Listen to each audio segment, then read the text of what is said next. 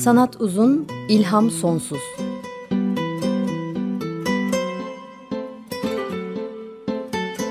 Sanat üzerine psikolojik sohbetler.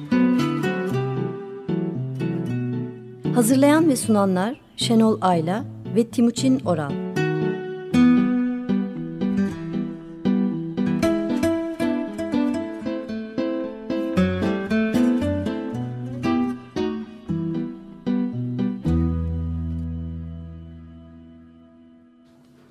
94.9 Açık Radyo'da Sanat Uzun İlham Sonsuz programından merhaba ben Şenol Ayla. Ben Timuçin Oral merhaba.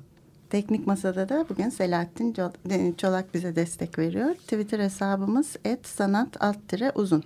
Bugün çok fazla her zamanki gibi tweetimiz yok ama gene de bazı önemli şeyleri Twitter'dan paylaşacağız. Önceki programlarımıza Açık Radyo sitesindeki kayıt arşivinden erişebiliyorsunuz. Bu linki Twitter hesabımızda bulabilirsiniz. Açık Radyo.com.tr ana sayfasında da arşive girerek bulabiliyorsunuz. Evet bugün e, bellekten bahsedeceğiz. Hatırlamak, unutmak, e, hatta vaktimiz yeterse demans ve sanattaki görünümlerinden konuşacağız. E, önce hatırlamayla başlayalım istersen. Evet bu hafta e, Heather'ımızda da Salvador Dali vardı. Bizim değişmeyen profil fotoğrafımız da Dali'ye ait zaten istakozlu telefon ama e, bugün üstünde konuşmak istediğimiz başka bir eseri daha var. E, onun için onu tekrar tweet ederek yeniden paylaşarak başlayalım. E, Dali'nin The Persistence of Memory, belleğin azmi, sürekliliği, devamlılığı da belki denebilir resmini e, Twitter'dan paylaştık. Bundan bahsedeceğiz biraz. Dali bu resmi 1931'de 27 yaşındayken yapmış. E, sizin de çok iyi bildiğiniz, çok iyi bilinen popüler kültürde de çok referans olmuş bir resim. E, Twitter'a şu an erişemeyenler için ha, e, kısaca hatırlatalım hmm, resminde ne olduğunu. Sağda arkada çorak kayalık yamaçlar var ve denize iniyorlar. E, solda daha yakında yapraksız bir ağaç üzerinde e, dalının üzerinde erimiş yumuşak bir saat kadranı var. Oraya bir çamaşır gibi atılmış. Önde yine erimiş e, gibi bir platform üzerinde ikinci bir saat kadranı var. O da gene erimiş gibi e, yumuşakmış gibi kenardan sarkıyor ve önde yine e, üçüncü bir saat ya da kronometre kadranı var. Üstünde de karıncalar dolaşıyor. Ve ortada gene çorak bir koyu renk kahverengi bir toprağın üstünde bir yüz figürü var. Uzun kirpikleri gözü kapalı. E, burnundan da dil gibi bir şey çıkıyor. Dil galiba. Hı hı. Onun üstünde de bir saat kadranı var. E, hatırladınız sanıyorum şu an göremeyenler. Zaten 1931'de böyle eriyen saat görüntüleri e, e, yapmak herhalde. Hani, Dali'ye özgü bir şeydi. Bir de evet devir değiştirecek bir şey sahiden. Evet. Biz bu resmi e, adından dolayı bellekle ilgili hatırlama unutma programı yapalım derken hemen aklımıza geldi ve sonra da aslında eve gidip birbirimize sorduk mail üstünden. Bunun adı niye bellek diye değil mi? Evet. Önce ben şey diye düşünmüştüm. Acaba daha önce de bir eriyen saat çizdi de onun için mi persistence of memory yani devam ediyor kalıcılık hmm. diye hatırlarsın. Galiba ilki bu. Daha sonra da var eriyen saatleri evet. ama Hı -hı. sanıyorum ilki bu. Sonra araştırdık ne oluyor diye belleğin persistence yani sürekliliği, kalıcılığı, azmi dediğimiz şeyi bazı kaynaklarda eriyen saatler için Dali'nin relativite teorisine olan yoğun ilgisi sonucunda bu teoriyi yorumlaması diye yazılıyor ve denmekte ki bu resim zamanın solit ve belirleyici yani deterministik bir etkisi olduğunun reddidir. Resimdeki eriyen saatler ve saatte üşüşmüş karıncalar kelime anlamıyla zamanı değil bir organik süreç olarak bozulmayı, yıkımı, ölümlülüğü ve or ortadaki yumuşamış yüz figürü de özellikle sanatçının kendi ölümlülüğünü sembolize hmm. etmektedir. E, resmin arka planındaki çorak kayalık yamaçlarda Dali'nin çocukluğunun geçtiği ana vatanı Katalonya'yı e, resmetmesidir diyor. Bazı kaynaklarda da Dali'nin gördüğü bir rüyayı resmettiği, ortada yatmakta olan gözü kapalı figüründe rüyayı görmekte olan kendisi olduğu yazılıyor. Bu yorum Dali'nin sık sık kendi resimleri için yaptığı şu yoruma da uyuyor. Resimlerim elle çizilmiş rüya fotoğraflarıdır diyor hmm. kendisi aslında. Bu tanıma yakışıyor. Evet. Ama Dali de kendisi bu saatler için şöyle bir anısını anlatmış. Güneş altında eriyen kamember peynirinden ilham aldığını söylemiş ve E, Paris'teki bir yemekten sonra e, aklına gelenleri şöyle anlatmış. Yemeğimizi iyi bir kamember peyniriyle bitirmiştik. Herkes gittikten sonra masada uzun bir süre daha oturup erimekte olan peynirin aklıma getirdiği süper yumuşaklık hakkındaki felsefi problem üzerine düşünceye daldım. Bu resimle ilgili bir şey daha söylemiş. Kesinliğe karşı emperyalist bir öfkedir bu resim. Gerçeklik dünyasından kuşku duymayı sağlamak üzere konfüzyonu yani kafa bulanıklığını sistematize etmeyi hedefliyorum. Tam Dali'ye göre bir tanım. Peki o zaman sorayım şimdi. Gerçek dediğimiz şeye bu kadar güvenmeyin mi demek istiyor burada? Ee, e, galiba. Yani şöyle anılarımız aslında doğru şeyler tabii ama dış etkilere çok açık. Ee, bunu konuşuruz daha ama üstünden belli bir zaman geçtikten sonra geri çağrılan anılar aslında e, bir biçimde zihnimizde yeniden yapılandırılarak hatırlanıyor. Yani değişiyorlar, etkileniyorlar. E, dolayısıyla olaylara ilişkin bellek aslında birebir bir yapılandırmanın ürünü değil. Dolayısıyla belleğin e, rebuild yani yeniden inşa edilen bir şey olduğunu önce kabul etmek lazım. Yani deneyimler, algı, hatırlama arzusu e, hatırlayacağımız şeyi etkiliyor. Yani persist eden, kalıcı olan e, bellek ya da anı ki bu da ilginç. Memory e, Türkçe'de hem hatıra hem hafıza hem anı hem bellek anlamında hmm. kullanılıyor. Halbuki e, e, İngilizce'de değil ilginç bir şekilde. Bu e, hatırlama arzusu hatırlayacağımız şeyi de etkiliyor. Dolayısıyla kamember peyniri mesela'nın erimesi aslında e, sebat eden e, e, anı. E, ama o saate ve zamanla dönüşmüş. Yeniden yapılandırılmış, yeniden, yeniden inşa etmiş. Evet. Yani Zaten, o neyle yaptı bilmiyoruz onu. Sonra e, Memory in Literature From Rousseau to Neuroscience kitabında da Susan Nalbantian'ın yazdığı bir kitap. E, şu bilgiyi bulduk ki sanırım bu resmin adını açıklıyor.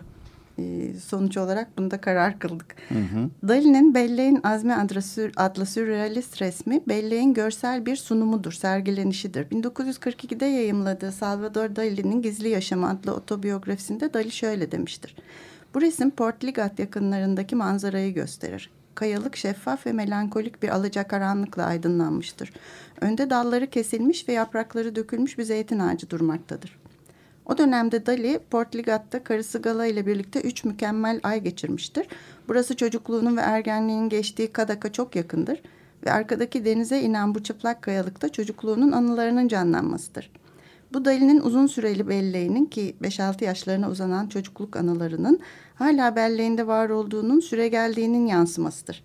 Kendisi de yazmıştır ki ergenlikten sonra çocukluk anılarım gittikçe kararıp tamamen yok olmuşlardı ama Kadak'a yeniden döndüğüm andan itibaren yeniden canlanan bu anıların hücumuna uğradım.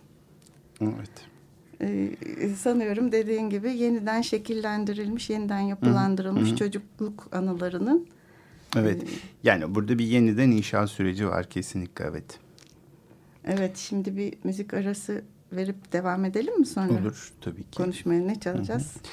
Ee, Dali'den e, Music for Three Dali Paintings e, Neil Hudson'ın, Nick Hudson'ın özür dilerim yaptığı aslında bir e, daha bu kompozitör daha çok e, e, oyunlar, e, bir takım e, e, sergiler için müzikler besteliyor. Burada da Dali'nin üç e, yağlı boyası için yapmış bunu.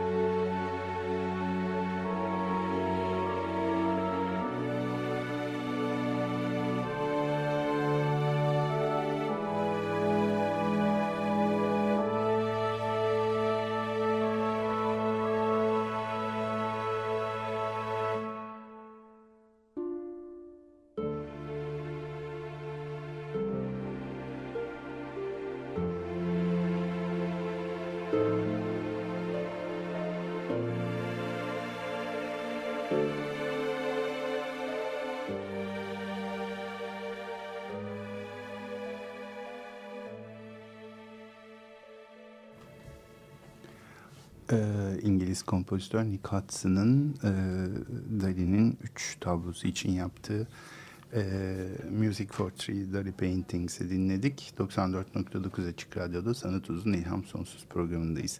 Bellekten bahsediyoruz. E, bir şekilde belleğin e, e, kalıcılığından e, bir yandan inşa edici ya da yeniden inşa edilerek hatırlanmasından ama bir yandan da e, derinde bir yerde varlığından persist etmesinden, sebatkarlığından da bahsediyoruz. Aslında belleğin katmanları var tabii. Kısa süreli bellek, uzun süreli bellek gibi. Uzun süreli belleğinde açık ve örtük kısımları var. Ona explicit, implicit de deniyor. Ee, geçmiş deneyimlerin e, bilinçli olarak toplanmasını içeriyor bu e, açık olan ve genellikle özgül olayları ve gerçekleri de içeriyor. Ee, hani işte hani sınavda sorulan soruyu cevaplamak için onu düşünmek, hatırlamak, bilinçli olarak farkında olduğumuz bir takım şeyler. Bunların içinde sesler, kokular falan da var. Ee, ama bir de örtük bellek tarafı var ki o daha önce yaşadığımız deneyimlerle ilgili olan bilgiler ve çoğunlukla da bilinç dışı onlar. Çoğunlukla değil tümüyle bilinç dışı zaman zaman e, bilinç düzeyine geliyorlar ama şu andaki duygularımızı da veya da işlevlerimizi de etkiliyorlar. Çünkü duygu, beceri, alışkanlıklarla ilgili kısımlar. Bu da zaten sanatla ne kadar iç içe olduğunu ya da sanatın nerede devreye girdiğini gösteriyor. Evet aslında bayağı yakın bir ilişki var değil mi? Bellek ve sanat arasında mitolojik olarak da. Evet. E, bellek ve sanatın ilişkisi mitolojide de çok yakın. Öyle ki e, Yunan mitolojisinde belleğin sorumlusu olan tanrı Mnemozin. Mnemozin de deniyor. Gaia ve Uranüs'ün kızı. Yakışıklı bir çoban kılığına giren Zeus'la dokuz gece boyunca sevişince dokuz kızı oluyor ki bunlar da ilham perileri e, şiirin, tiyatronun, tarihin... Müzler yani. Evet, müzler doğuyor. E, aynı zamanda da Mnemozin yeraltı dünyasında akan nehrin adı. Kendisinden içenlere geçmiş yaşamları hakkında her şeyi de hatırlatıyor. Ve tersine akan bir nehir aslında yer altında. Ee, evet, şimdi bu bu yani bu sanatla belleğin bu kadar iç içeliği ama hep konuştuğumuz şeyi de yani Freud'un da dediği gibi aslında e, tıpkı Shakespeare'in ya da başka yazarların ya da başka sanatçıların yaptığı gibi aslında olup biteni çok önceden fark etmiş ve yazmış olmalarını da evet, e, gündeme getiriyor ki burada mesela Marcel Proust'tan ve e, belki biraz kayıp zamanın izindeden e, bahsetmek e, iyi olur. Bahsetmemek e, olmaz diye. Ya da bahsetmemek mümkün de değil aslında. E, Proust bir sinir bilimci miydi acaba? diye bir kitap da var hatta. Evet, e, çok güzel bir kitap. Oradan da faydalandık değil mi? Evet. E, Proust'un önemi hatırlama ve bellek açısından büyük. E, en başından başlayan 1871-1922 yılları arasında yaşamış Fransız yazar Marcel Proust. En bilinen ve önemli eseri 1913-1927 arasında yayımlanmış olan yedi ciltlik Kayıp Zamanın İzinde e, adlı yarı otobiyografik romanı. Bu 20. yüzyılın da önemli eserlerinden biri aynı zamanda. Fransa'da o dönemde aristokrasinin çöküşü ve orta sınıfın yükselişi sırasındaki büyük toplumsal değişimleri konu alıyor. Proust'un babası bir doktor, patolog ve epidemiyolog. E, tıp ve hijyen konulu birçok kitap yazmış. Annesi de çok iyi eğitimli, kültürlü ve zengin bir Yahudi. E, Prost 9 yaşında ağır bir astım atağı geçiriyor ve sonra hep hastalıklı bir çocuk olarak kabul ediliyor ve korunuyor, kollanıyor ve öyle muamele görüyor. E, bu nedenle de çocukluğunun önemli bir bölümünü Paris'in kuzeybatısında İlya köyünde büyük amcasının evinde geçiriyor. Bu yarı otobiyografik romanı olan Kayıp Zamanın İzinde'nin ilk ciltlerin önemli bazı sahneleri de bu köyde. Ama yazarın koyduğu kurgusal isimle Combre'de geçiyor. E, hoş tarafı e, Proust'un 100. doğum yılı kutlamaları sırasında 1971'de yazara ve eserine bir saygı olarak bu köyün adı resmi olarak Ilya Combre olarak değiştirilmiş. E, kurgusal bir isim eklenmiş e, köyün adına. Kısaca konusunu e, hatırlarsak 7 ciltlik bu eserde e, ki 4000 sayfayı aşıyor. Marcel adlı baş kahramanın kendi ağzından anlatılan bir öyküsü var. Marcel yazar olmak istiyor ama bir yandan da hayatının belleğini bulmakta zorlanıyor. Bu nedenle bir türlü istediği gibi yazamıyor. O belleğin ve yitirdiği zamanın peşinde bir arayış hep bu yedi cilt boyunca. Bir zaman yazarlıktan tümüyle vazgeçiyor. Ee, ama daha sonra bütün eserin sonuna doğru belleğe nişan eseri buluyor ve yazmaya başlıyor. Ama bu da onu çok tatmin edecek bir durum olmuyor. Hatta gerçek cennet unuttuklarımızdır e, hmm. dediği de bir yer var. Evet. Ee, el yazmalarını da paylaştık ve kendi fotoğrafında. Ve şimdi bizim bellekle önemli kısmına gelelim. Birinci kitap Sıvan'ın Sıvanların tarafından bir bölüm okuyabilir miyiz şimdi? Ee, şöyle diyor. Ama içinde kek kırıntıları bulunan çay damağıma değdiği anda irkilerek içinde olup biten olağanüstü şeye dikkat kesildim. Sebebi hakkında en ufak bir fikre bile sahip olmadığım, soyutlanmış, harikulade bir haz benliğimi sarmıştı. Bir anda hayatın dertleri önemsiz, felaketlerini zararsız, kısılığını boş kılmış, aşkla aynı yöntemi izleyerek belleğimi değerli bir özle doldurmuştu. Daha doğrusu bu öz benliğimde değildi, benliğimin ta kendisiydi. Kendimi vasat, sıradan ve ölümlü hissetmiyordum artık. Bu yoğun mutluluk nereden gelmiş olabilirdi bana? Çayın ve kekin tadıyla bir bağlantısı olduğunu ama onu kat kat açtığını, farklı bir niteliği olması gerektiğini seziyordum. Nereden geliyordu? Anlamı neydi? Nerede yakalanabilirdi? İkinci bir yudum alıyordum. İlk yudumdan fazlasını bulamıyorum. Üçüncü yudumda ikincide bulduğum kadarı da yok. İçmeye son vermem gerek. İksirin etkisi azalıyor sanki. Aradığım gerçeğin onda değil, bende olduğu belli. Çok güzel değil mi? Burada evet. böyle bir nasıl öznelden nesne, nesnelden öznele e, dönüveriyor evet. fark ederek. Sonra işte bir, bir aralardan sonra şöyle diyor. Ne var ki uzak bir geçmişten geriye hiçbir şey kalmadığında insanlar öldükten, nesneler yok olduktan sonra bir tek onlardan daha kırılgan ama daha uzun süre, daha e, uzun ömürlü, daha maddeden yoksun, daha sürekli, daha sadık olan koku ve tat, daha çok uzun bir süre ruhlar gibi diğer her şeyin yıkıntısı üzerinde hatırlamaya, beklemeye, ummaya, neredeyse elle tutulamayan damlacıklarının üstünde bükülmeden hatıranın devasa yapışını taşımaya devam ederler. Diyor. Evet bir önce geçmişte Combre'ye ait hiçbir şey çok hatırlayamıyorum derken sonra çayına bir e, kek e, batırıyor tam olarak Madeleine kek denen. Evet. Hatta Madeleine e, edebi okumalarda da kullanılıyor. Hmm, çayla birlikte Madeleine yiyip Proust okunabiliyor. Ne oldu peki çocukluğunu tam da bu anda bu kadar canlı nasıl hatırladı? E, Valla evet yine o kadar teorik olmayalım ama e, sonuçta beynimizin diğer canlılarla ortak bir tarafı var. E, özellikle de daha m, ilksel canlılarla diyelim. E, onlarla ortak taraflardan bir tanesi bu koku meselesi. Onların beyninde rinensefalon denen o beyin e, koku bölgesi çok büyükçe bir yer kaplıyor. Bizde küçülmüş ama önemini kaybetmemiş. Bu hipokampüs denen bir yerinde beynin e, uzun süreli bellek deposunda e, bağlantılı bir şekilde e, gündeme geliyor. Burası e, aslında sağ kalmayı da hedefleyen bir bölge esasen. E, o yüzden bizi en çok tedirgin eden kötü kokudur, leş kokusudur, tiksinme duygusudur falan ya. E, dolayısıyla e, geçmişten güzel anılar da özellikle e, kokuyla bağlantılı kodlanmışlarsa e, bu belleğe ilişik koku duyusunun bıraktığı iz kolayca silinmiyor. Şey gibi çocukluğunuzdan e, işte büyük anne, büyük baba neyse anneanne, babaanne evlerinin kokuları ya da onların hmm. yaptığı kurabiyeler e, veya onların kokuları falan deyince birçok insanın yüzüne bir gülümseme ya da taze yayıldığını. açılmış kurşun kalem kokusu. Mesela işte bak gibi kokular. Dolayısıyla e, işte bu örtük belleği aslında çok güzel anlatmış. Evet değil mi? Ee, senin bahsettiğin Proust bir sinir bilimciydi kitabının Hı-hı. başlığı ne kadar doğru gözüküyor bu durumda böyle bakınca. Örtük belleği yani sistem dışı bellekte denen belleği güzel anlatmış. Ee, bir edebiyatçı anlatmış. Evet. Psikolog Karl Lashley'nin 1950 tarihli bir makalesinde de beynin sinirsel yapısında iz bırakan yani fiziksel değişikliğe neden olan ve daha sonra duyusal uyarılar yoluyla uyarılabilen engramlardan söz edilmiş. Buna iyi bir örnek Proust'un bu Madeleine kekinin koku ve tadının belki de ağızda dağılışının da verdiği dokunsal uyarının geçmişi canlandırdığı bu bölüm.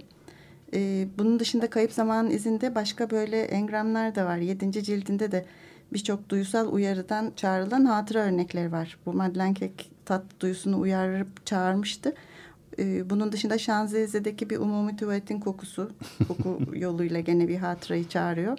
Gelmant'taki köyü evinin bahçesinde irili ufaklı çakıl taşlarını elliyor ve ayağıyla dokunuyor. Onlar dokunsal bir uyarı getiriyor.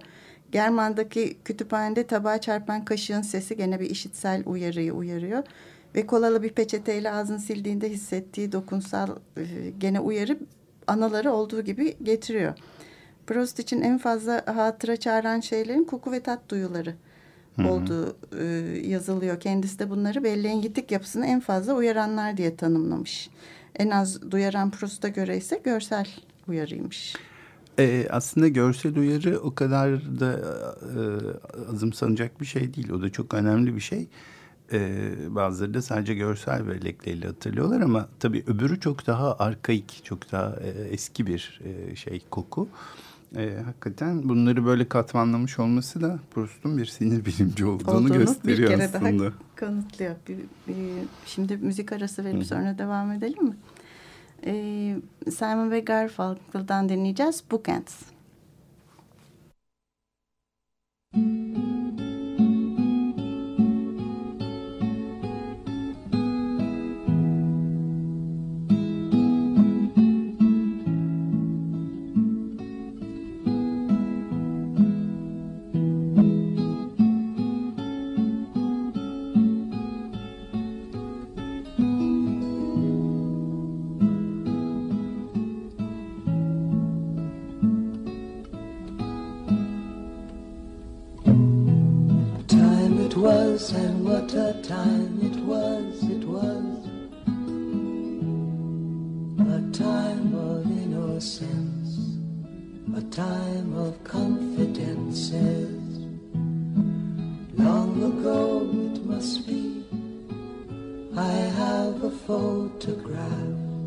Preserve your memories, they're all that's left you.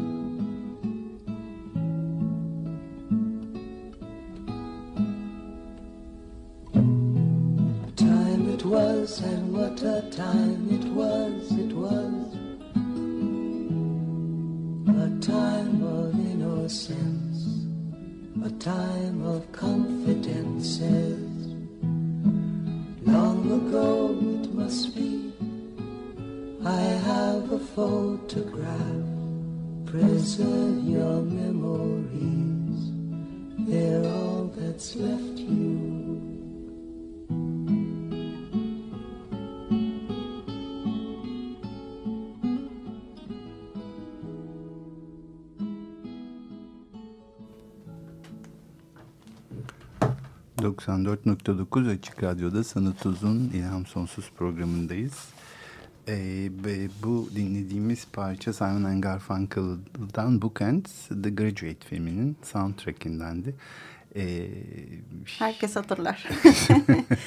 erkek çocukları daha çok hatırlar. Daha çok hatırlar. Evet. Dustin Hoffman and Bancroft. Sene 1967. evet. Bu Kents albümünün de 1968 bir sene sonra çıkmış. Ee, evet hatırlama, unutma ve bellekten konuşuyoruz Sanat Uzun, İlham Sonsuz'da. Unutmadan da bahsedelim. Ee, Milan Kundera'nın Gülüşün ve Unutuşun kitabının ilk öyküsü şöyle başlıyor. 1948 yılı Şubat'ında Komünist Partisi Başkanı Clement Gottwald, Prag'da eski kentin en büyük alanında toplanan yüz binlerce hemşerisine söylev vermek üzere barok stili bir sarayın balkonuna çıktığı zaman bu olay Bohemya tarihinde eşine ancak bin yılda birkaç kez rastlanabilen türden ve ülkenin kaderini etkileyen büyük bir dönüm noktası oluyordu. Gottwald'ın çevresini arkadaşları sarmıştı ve yanında çok yakınında Clementis duruyordu. Hava soğuktu, kar yağıyordu. Gottwald'ın başı açıktı. Clementis göz yaşartıcı bir sevgi gösterisiyle başındaki kürk şapkayı çıkarıp Gottwald'ın başına koydu. Partinin propaganda bölümü Gottwald'ın başında kürk şapka, çevresi arkadaşlarıyla sarılı olarak balkondan halka seslenirken çekilen resimlerinden yüz binlerce bastırarak dağıttı. Komünist Bohemya tarihi işte bu balkondan başlamıştır. Bütün çocuklar afişlerde, el kitaplarında ya da müzelerde görmüş oldukları bu fotoğrafı bilirler. Dört yıl sonra Clementis ihanetle suçlandı ve asıldı. Propaganda bölümü pek tabii onu hemen tarih sayfalarından ve resimlerden çıkarıp attı. O günden beri Gottwald balkonda tek başına görünmektedir. Clementis'in durduğu yerde artık sarayın boş duvarından başka bir şey yoktur. Clementis'ten Gottwald'ın başındaki Kürt şapkadan başka bir şey kalmamıştır. Kundera sonra da şöyle devam ediyor. İnsanın iktidara karşı savaşı mı, belleğin unutuşa karşı savaşı mıdır? Resmi tarihten bir şeyleri silip çıkarmak unutulmasını sağlıyor toplum belleğinden sanırım. Birkaç nesil sonra hatta aynı nesil içinde bile o olay unutulabiliyor. Değil mi? Tabii şimdi George Orwell'in 1984'ünü geldi hatırlama değil mi? E, Ben daha yakın şeyler hatırlıyorum. Günümüzden hemen geçtiğimiz aylardan şeyler de hatırlıyorum. Balkon sahneleri, unutuşlar, e, reddedişler. Ee, bir büyüğümüz demişti dün dündür bugün bugündür diye. Hala oradayız. Filmlerde de çok görüyoruz, hayatta da görüyoruz. Unutulması istenen şey genellikle bir kişi. Mesela fotoğraf atılmaz ama o kareden o kişinin silüeti kesilip çıkarılır. Türk filmlerinde de çok olurdu. Böyle istedik diye unutabiliyor muyuz bir şey? Ee, yani bilgi tabii kaybolmuyor. Ee, azalabiliyor ya da karışabiliyor e, belki. Hani bant kaydının zamanla zayıflaması gibi bilgi de yavaş yavaş kayboluyor. Fakat e, biz karışma tarafını esas alırsak hiçbir zaman kaybolmuyor. Ama kaybolan ipucu özelliği. Yani e, bize onu hatırlatan ipuçlarını kaybedebiliyoruz. Dolayısıyla hani bazen çok dalgınsak ve bir yere doğru yürüyorsak kendimizi yeni taşındığımız eve değil de eskisine doğru giderken buluveriyoruz gibi. Evet. Ee, aslında uzun çok uzun süreli bellek araştırmaları da var. Ee, isim tanıma ve eşleştirmenin mesela 15 yıldan sonra azaldığını söylüyor onlar.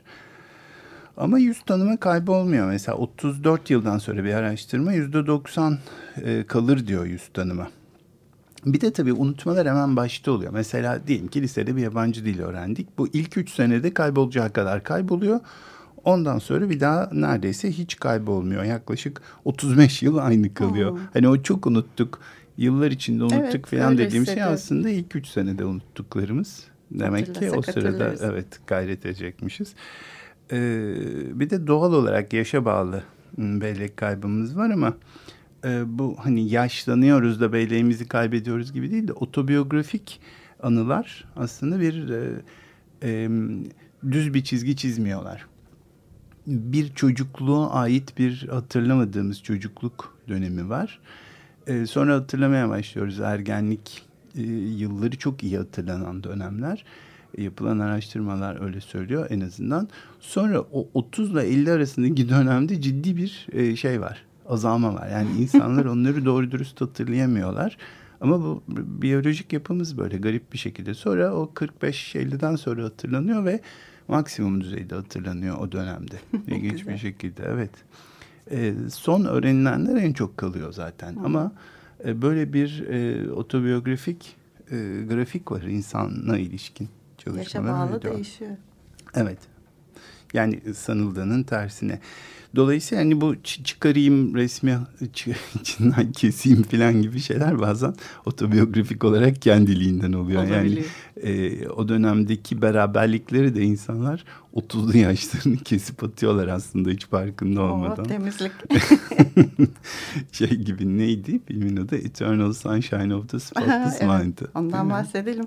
Edelim. Eternal Sunshine of the Spotless Mind çok e, bu konuya uygun ve güzel bir film e, Sil Baştan adıyla e, Türkiye'de oynadı. E, aslında tam olarak belki lekesiz zihnin ebedi aydınlığı denebilir. E, Michel Gondry'nin yönettiği 2004 yılında yapılmış Jim Carrey ile Kate Winslet'ın oynadıkları çok güzel bir film. E, senaryoyu da Michel Gondry, Charlie Kaufman ve Pierre Bismuth e, yazmışlar ve en iyi orijinal senaryo dalında Oscar ödülü almış.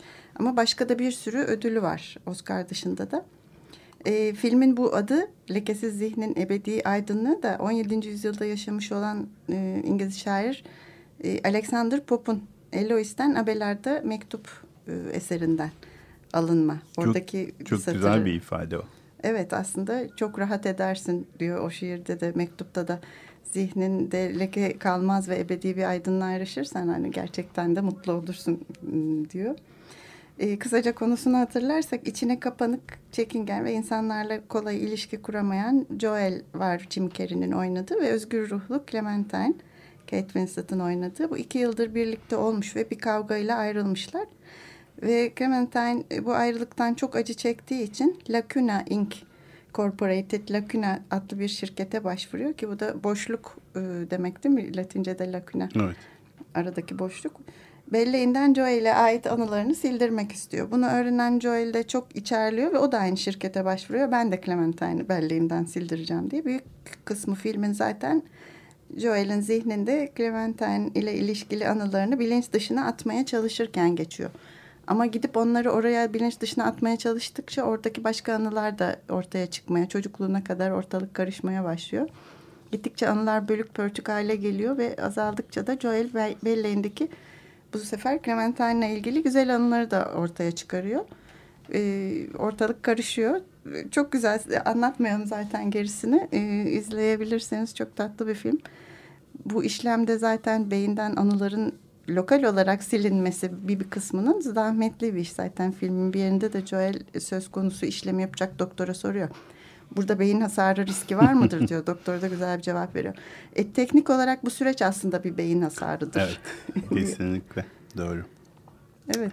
Ee, evet yani bununla ilgili işte çalışmalar da var. Ee, Kerim Nadir belki Karim Nader Rin böyle farelerle yaptığı bir çalışma var. Mesela bir, bir takım korkutucu anıları yok etmeye çalışmışlar elektrik şokuyla ama birçok bir başka anının da yok olduğu beraberinde gitmiş. Bu filmdeki ipucu. gibi aslında. Aynen evet aynı şekilde tamamen.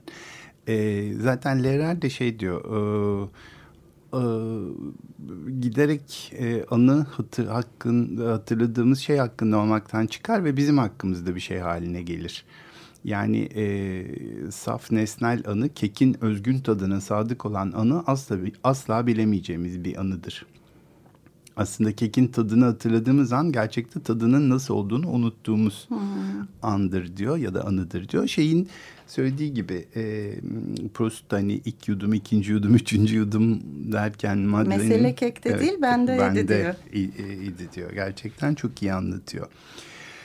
Ee, zaten sen de söyledin hani e, yegane cennet kayıp cennettir e, diyor ya. Evet. E, Proust çok da güzel e, söylüyor. E, buradan şu söylenebilir aslında. Hmm, Svanların tarafının sonunda da şey e, şöyle söylüyor. Bellekte depolanan resimleri gerçekte aramak ne kadar çelişkili. Belirli bir görüntünün anısı belirli bir anın özleminden ibarettir ve evler, yollar, caddeler de heyhat seneler gibi uçup giderler. Evet. E, bu tabii unutma meselesi, hatırlama meselesi unutulmama meselesini de gündeme getiriyor. Bu alanda e, iki tane e, büyük sanatçının, birbiriyle evli iki büyük sanatçının, Ekrem Güyer ve eşi Müzeher Güyer'in e, aşkı ve unutulma, unutulmama meselesi gündeme geliyor. Ekrem Güyer'in e, o Nihavent şarkısını e, biliyorsunuz, herkes bilir. Unutturamaz seni hiçbir şey, unutulsam da ben, her yerde sen, her şeyde sen, bilmem ki nasıl söylesem. Bir sisli hazan kesilir ruhum eğer görmesem, neşemde sen, hüznümde sen, bilmem ki nasıl söylesem. Bunu eşine Yaz, yazmış. yazmış. Ee, kendisinin hatırlanma umudunu bir kenara bırakıp eşinin unutulmamasına Unutulmamasına. adaklanıyor e, tüm duygusal varlığıyla. E, fakat maalesef bu şiirin üzerinden 10 yıl geçtikten sonra mide kanamasından vefat ediyor adamcağız. Biz bu şarkıyı çalmayacağız şimdi ama e, Müzeher Hanım daha uzun yaşıyor bayağı. Müzeyyen Hanım 44 yıl daha, Daha yaşamış yaşıyor, bunun üstüne ve e, eşinin bu e, unutturamaz seni hiçbir şeyine de e, Garcihar makamında bir Şekip Ayhan Özışık bestesiyle cevap veriyor. Unutmadım seni ben, her zaman kalbimdesin. Aylar yıllar geçti söylesen neredesin? Anlaşıldı sen geri dönülmeyen yerdesin. Sen geri dönmeyeceksin. Unutmadım, unutamadım seni ben. Her zaman kalbimdesin. O Zeki- halde şimdi onu dinleyelim mi? Zeki Müren söylesin hem de. Unutmadım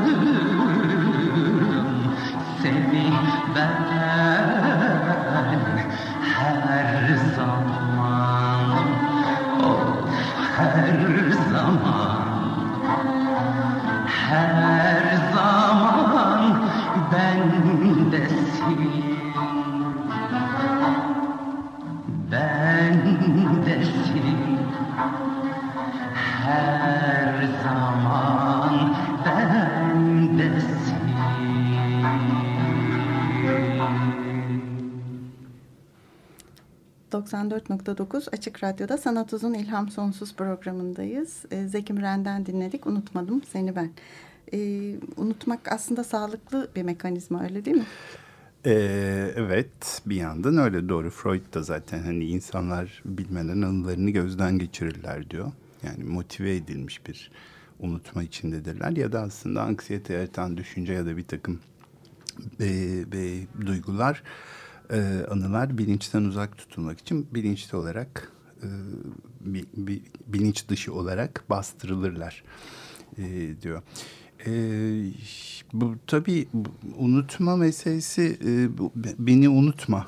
E, unutma benim çiçeği diye bir şey bile var değil mi? E, çokça Evet, gündeme evet. gelmiş. Geçen yüzyılın başında bir takım fotoğraflar ki onları da buradan şimdi e, Twitter'dan paylaşalım. İnsanlar beni unutma diye yazmışlar. Artık günümüzde sanat e, eseri haline geldi onlar da neredeyse. İşte bu e, metaforik olarak da tabii unutma kullanılıyor. Mesela e, Asaf Halet Çelebi'nin Adımı Unuttum e, şiirinde şöyle diyor. Adımı unuttum adı olmayan yerlerde. Ne in ne cin ne beni adem. Zamanlar içinde kuşlar uçuyor, kervanlar geçiyor bir iğne deliğinden. Çarşılar kuruluyor, sarayları oyuncak, insanları karınca şehirler. Zamanları gördün mü bir iğne deliğinden? Adımı unuttum, adı olmayan yerlerde geçip gidenlere bakarak. Ee, Asaf Halit Çelebi çok aslında e, çok ihmal edilmiş bir e, hakikaten edebiyat adamı. Bilinçli olarak ihmal edilmiş ama değil mi? Ee, an- Bilinç, annemin de şimdi annem 80 yaşını geçti. Edirne Lisesi'ndeyken edebiyat öğretmenliğini yapmış. Şansı olarak şöyle ki komünist olduğu için e, Trakya'ya sürülmüş. Öyle mi? o zamanlarda da aynı şeyler oluyormuş. Uzun süre bir milletvekilliği peşinde koşmuş ama aslında çok komik. Batılılar da onu doğucu ya da e, oryantalist diye eleştirmişler. e, Ramazan Gülbahar'ın bir şeyi var, makalesi var. Akıl kadar insanı onun duygularını da yaptığını bilen, akıl kadar arketipsel duyarlılıkları hatta irrasyoneliteyi de öne çıkaran, insanların sadece akıldan ibaret olmadığını dile getiren, bunun için doğuda tasavvufa, Budizme ve yaban e, dinlerine yüzünü dönen, kolektif hafızadaki arketipleri gömüldükleri zihinden ayıklayan ve bu arketipleri bir duyarlılık için şiirsel işaret olarak kullanan, kısacası işareti sadece batıdan değil doğudan alan Asaf Halet, onun bu farklı yaklaşımına sıcak bakmayan kimi çevrelerce acayip ve garip karşılanmış, anlamsız şiirler yazmakla itham edilerek alay edilmiş, dışlanmaya çalışılmış. Bir dönem bu kampanyada başarılı olunsa da bugünlere gelmesine engel olunamamıştır. Oğuz Atay ve Tanpınar gibi onu da yok saymışlar. Ötekileştirilmesi bir yana adeta yalnız yaşamış, değerlerimiz konusunda duygusal maliyetimiz yüzünden küs kaybettiğimiz şairlerimiz, değerlerimiz dendir diyor. Şimdi bu, bu burada tabii başka bir şey daha var. Bugün de e, Dünya Psikiyatri Birliği'nin e, World Mind Matters Day'i. Ya evet çok güzel bir Ee, güne yani- denk geldi. Mind Matters zihin önemlidir ya da zihin meseleleri anlamına geliyor. İkili bir anlamı var ama Dünya Ruh Sağlığı Sorunları Günü e, Olarak diyebiliriz Türkçe'de belki. değil mi? Ee, öyle dedik çünkü hepimiz eşitiz e, aslında e, yasalar karşısında ve hasta haklarını e, unutmamalıyız diyor. Şimdi bunu nereden hatırladım? E, o dönemin ünlü Freud'la da teşriki mesaisi olmuş e, Türkiye'nin ilk psikanalisti denilebilecek Doktor İzzettin Şah'dan e, Adam Dergisi'nin 305. sayısında e, Asaf Halet Çelebi ile ilgili bir yazı yazıyor. Asaf Halet Çelebi, Çelebi soyadını Mevlana'ya ithafen almış. Aslında onun hayranı olduğu için almış. Onu akrabası zannederek Mevlana'ya deli demiş. Ona da demiş. Şöyle diyor e, Doktor İzzettin Şah'dan açık mektubunda Asaf Halet Çelebi.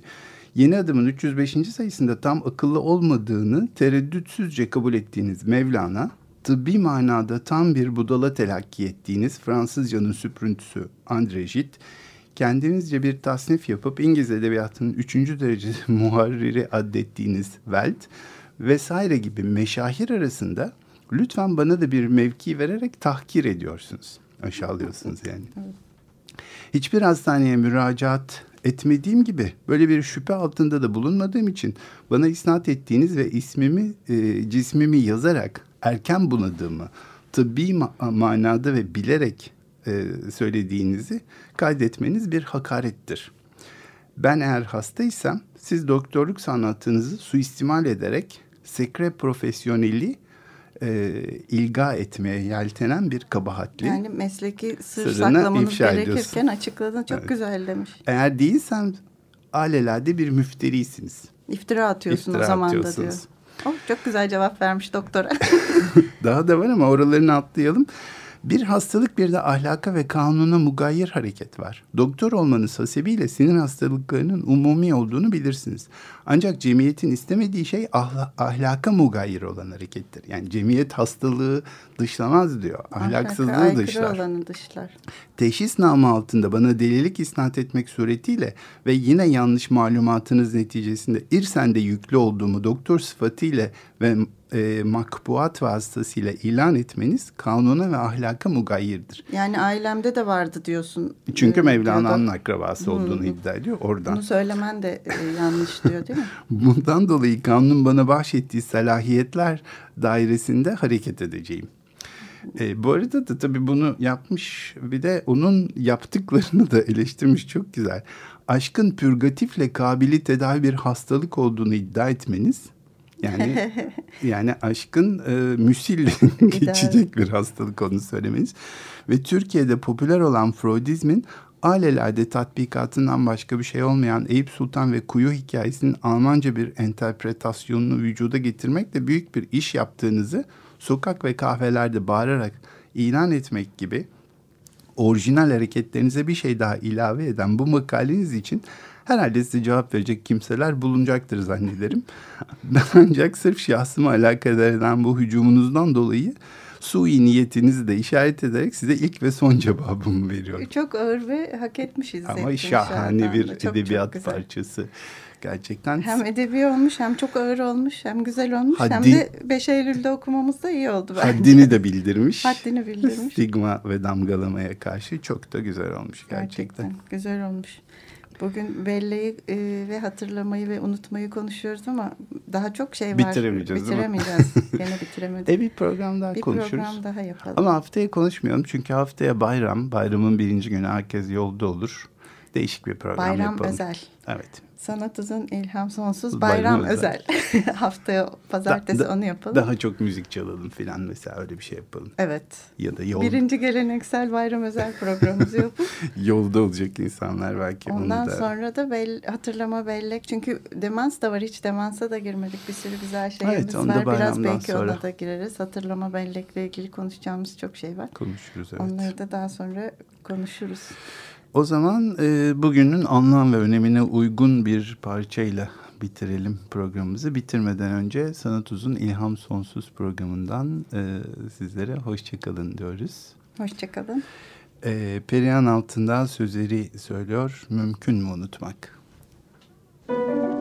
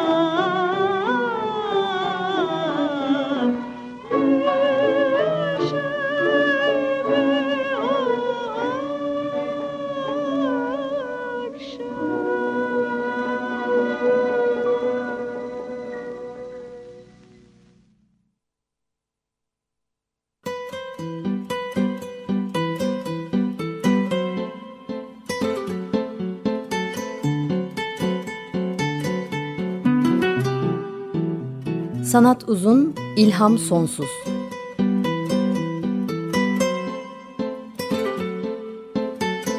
Sanat üzerine psikolojik sohbetler. Hazırlayan ve sunanlar Şenol Ayla ve Timuçin Oral.